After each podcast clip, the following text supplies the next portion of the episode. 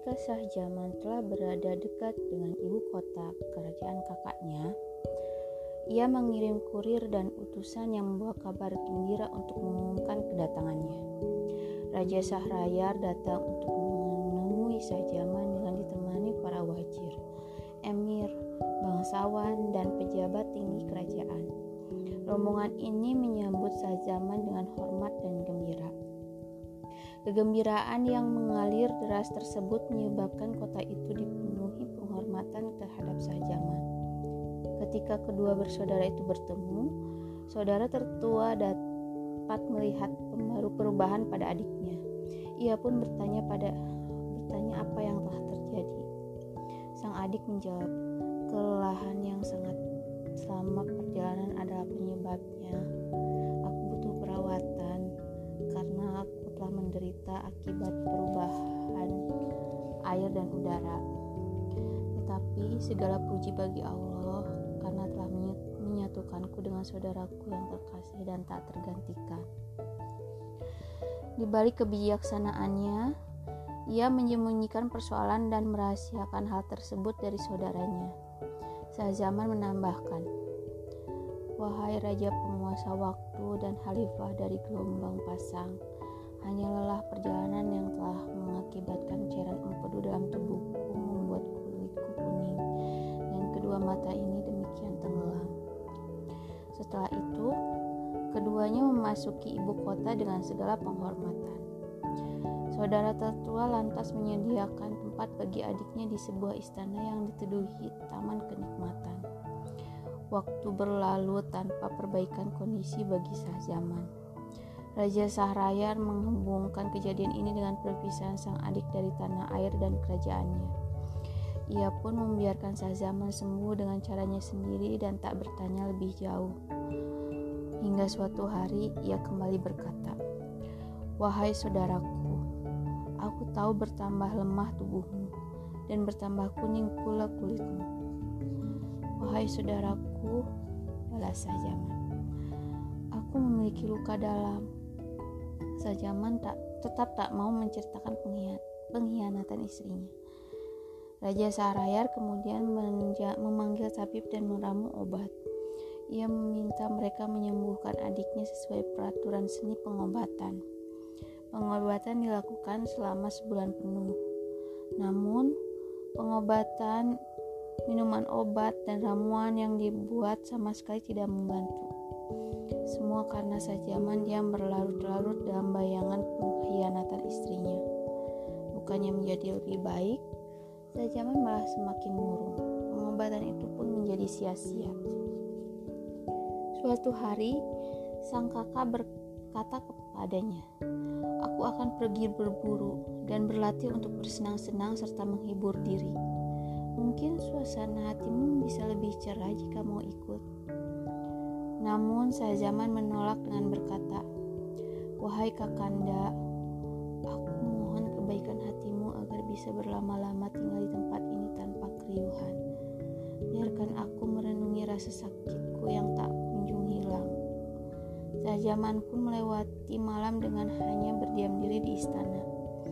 Keesokan harinya, ketika sang kakak telah pergi keluar, ia meninggalkan ruangannya dan duduk di salah satu jendela yang bertali sembari melihat pemandangan indah di luar. Ia diam memikirkan betapa pilu ke pengkhianatan istrinya. Berkali-kali ia menghela napas panas dari dadanya yang tersisa. Saat Zaman merenungi kesedihannya, pintu belakang istana yang dijaga dengan hati-hati agar tetap memiliki privasi terbuka lebar. Dari pintu keluarlah 20 budak perempuan mengelilingi istri kakaknya yang terlihat cantik luar biasa.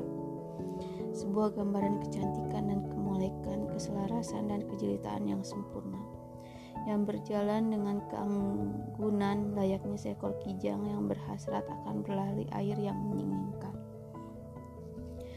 Kemudian Sajaman mundur menjauhi jendela, tapi tetap melemparkan pandangannya pada rombongan itu, mengawasi mereka dari tempat di mana ia tidak bisa dia, diawasi. Mereka berjalan tepat di bawah jendela berterali dan berjalan sedikit ke arah taman sampai menemukan sebuah kolam besar yang di tengahnya terdapat air mancur. Mereka melucuti pakaian masing-masing dan memperlihatkan apa yang biasanya tak pantas diperlihatkan. Sepuluh di antara mereka seli raja dan sepuluh lainnya adalah mamluk. Kemudian mereka berpasang-pasangan, satu dengan yang lain. Namun sang ratu yang tinggal sendiri segera berseru dengan suara lantang. Datanglah kepadaku, wahai Tuhan, Tuanku Said. Kemudian muncullah dengan cara melompat dari salah satu pohon seorang negro berliur dengan mata yang juling sampai memperlihatkan dengan jelas bagian putih matanya.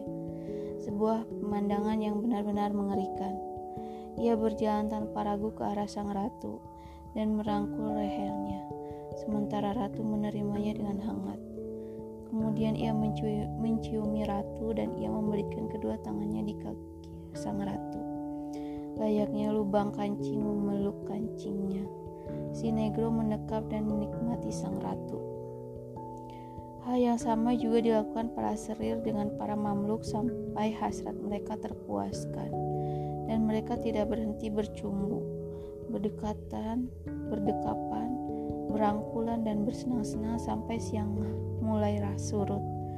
Ketika Mamluk bangkit, bangkit dari dekapan para gadis dan budak kulit hitam beranjak dari dada sang ratu, para lelaki mengembalikan samaran mereka ke sedia kala, kecuali si negro yang kembali ke pohon.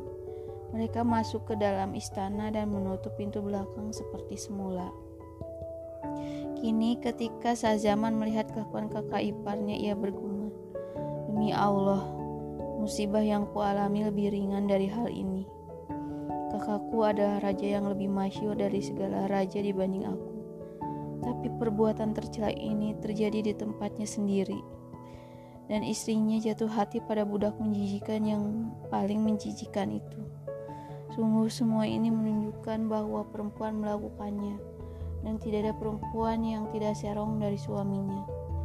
Allah akan menyiksa setiap jiwa yang melakukannya, serta orang-orang bodoh yang bersandar pada mereka untuk mendukung atau mengarahkan kelakuan keji mereka dengan tangan mereka.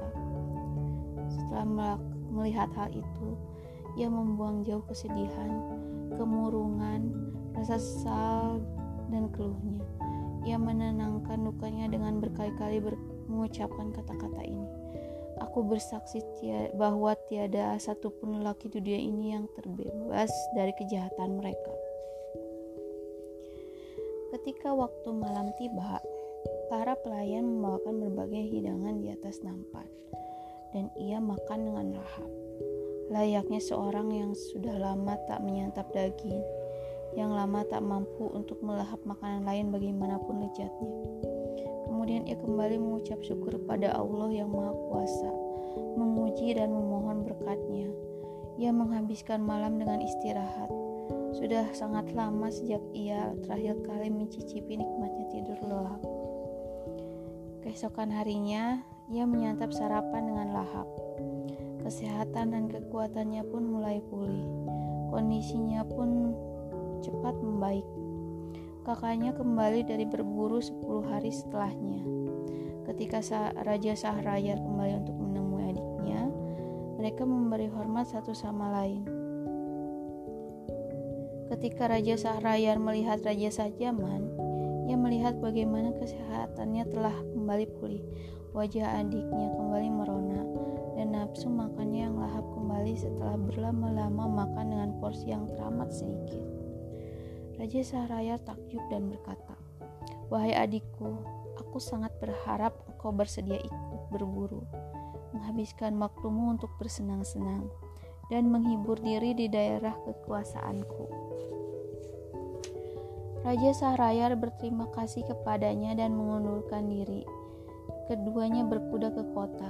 Ketika mereka duduk dengan tenang di istana, Bakit tanaman telah terhidang di hadapan mereka, dan mereka makan dengan cukup. Setelah suguhan daging dibereskan dan mereka telah mencuci tangan, Raja Sahrayar beralih kepada adiknya dan berkata, Pikiranku penuh dengan keheranan soal kondisimu.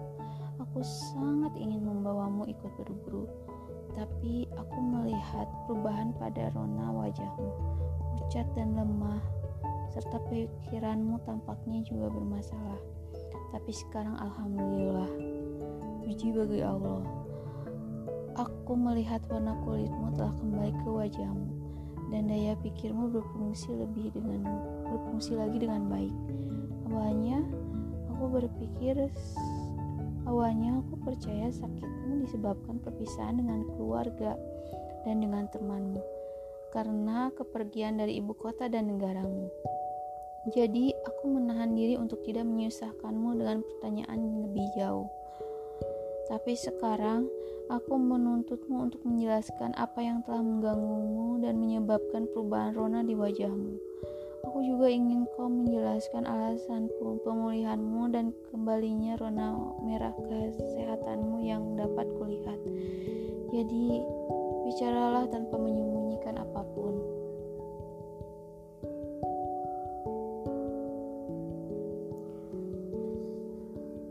Raja ketika Syah Jaman mendengarkan hal itu, ia mengunggungkan kepala lalu berkata, Aku akan menceritakan apa yang telah menggangguku dan menghilangkan warna kulitku. Tapi aku mau minta maaf karena akan menyinggungmu soal alasan kesehatanku membaik dan tuntasnya pemulihanku. Sungguh, aku memintamu untuk tidak memaksaku menjawab pertanyaanmu. Raja Sahrayar terkejut mendengar kata-kata adiknya. Biarkan dulu aku mendengar apa penyebab pucat dan wajah, pucatnya wajah dan memburuknya kesehatanmu. Baiklah saudaraku, biar zaman. Semua bermula saat Wajir datang membawa undangan untuk mengunjungimu. Aku menyanggupinya dan sudah menyiapkan rombongan berbaris keluar kota.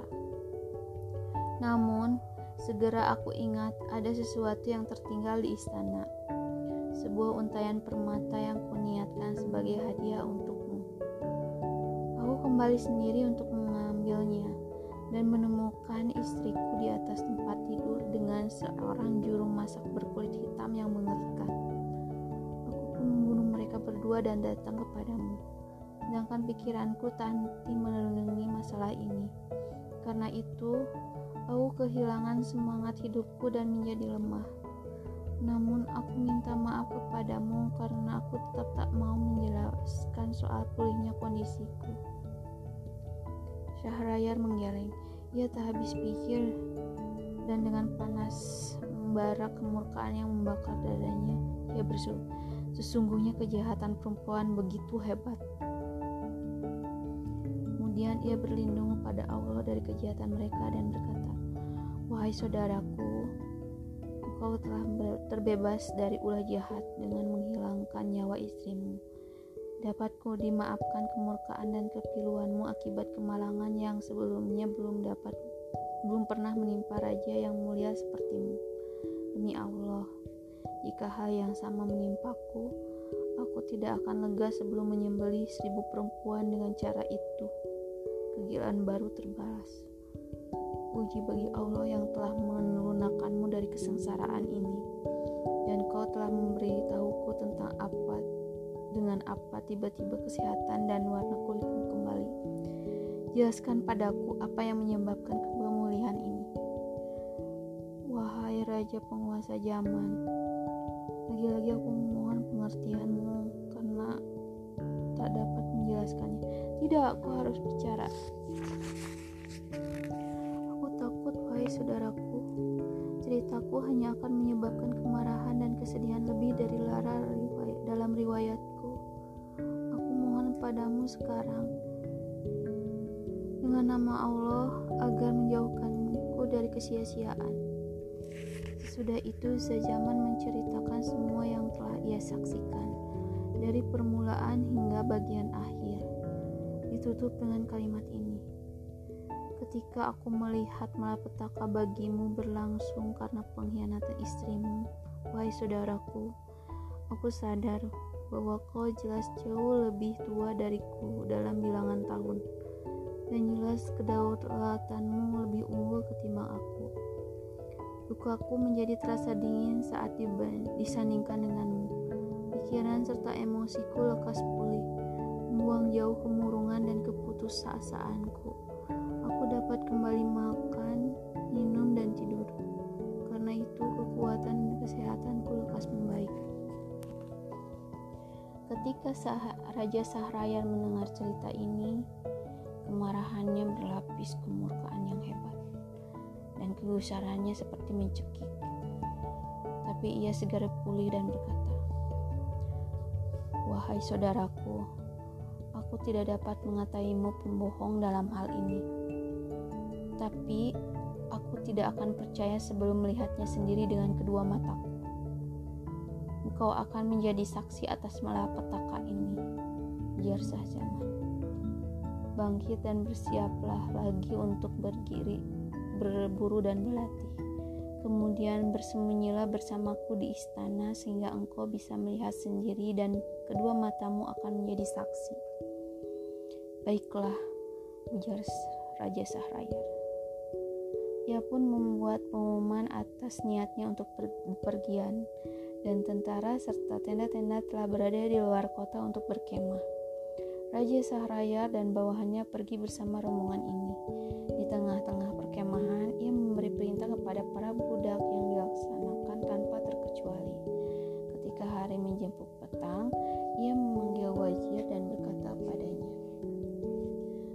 Tempatilah posisiku dan jangan biarkan siapa pun tahu ketidakhadiranku selama tiga hari. Kemudian dua bersaudara itu menyamar dan kembali dengan segala rahasia menuju istana melewati gelapnya malam.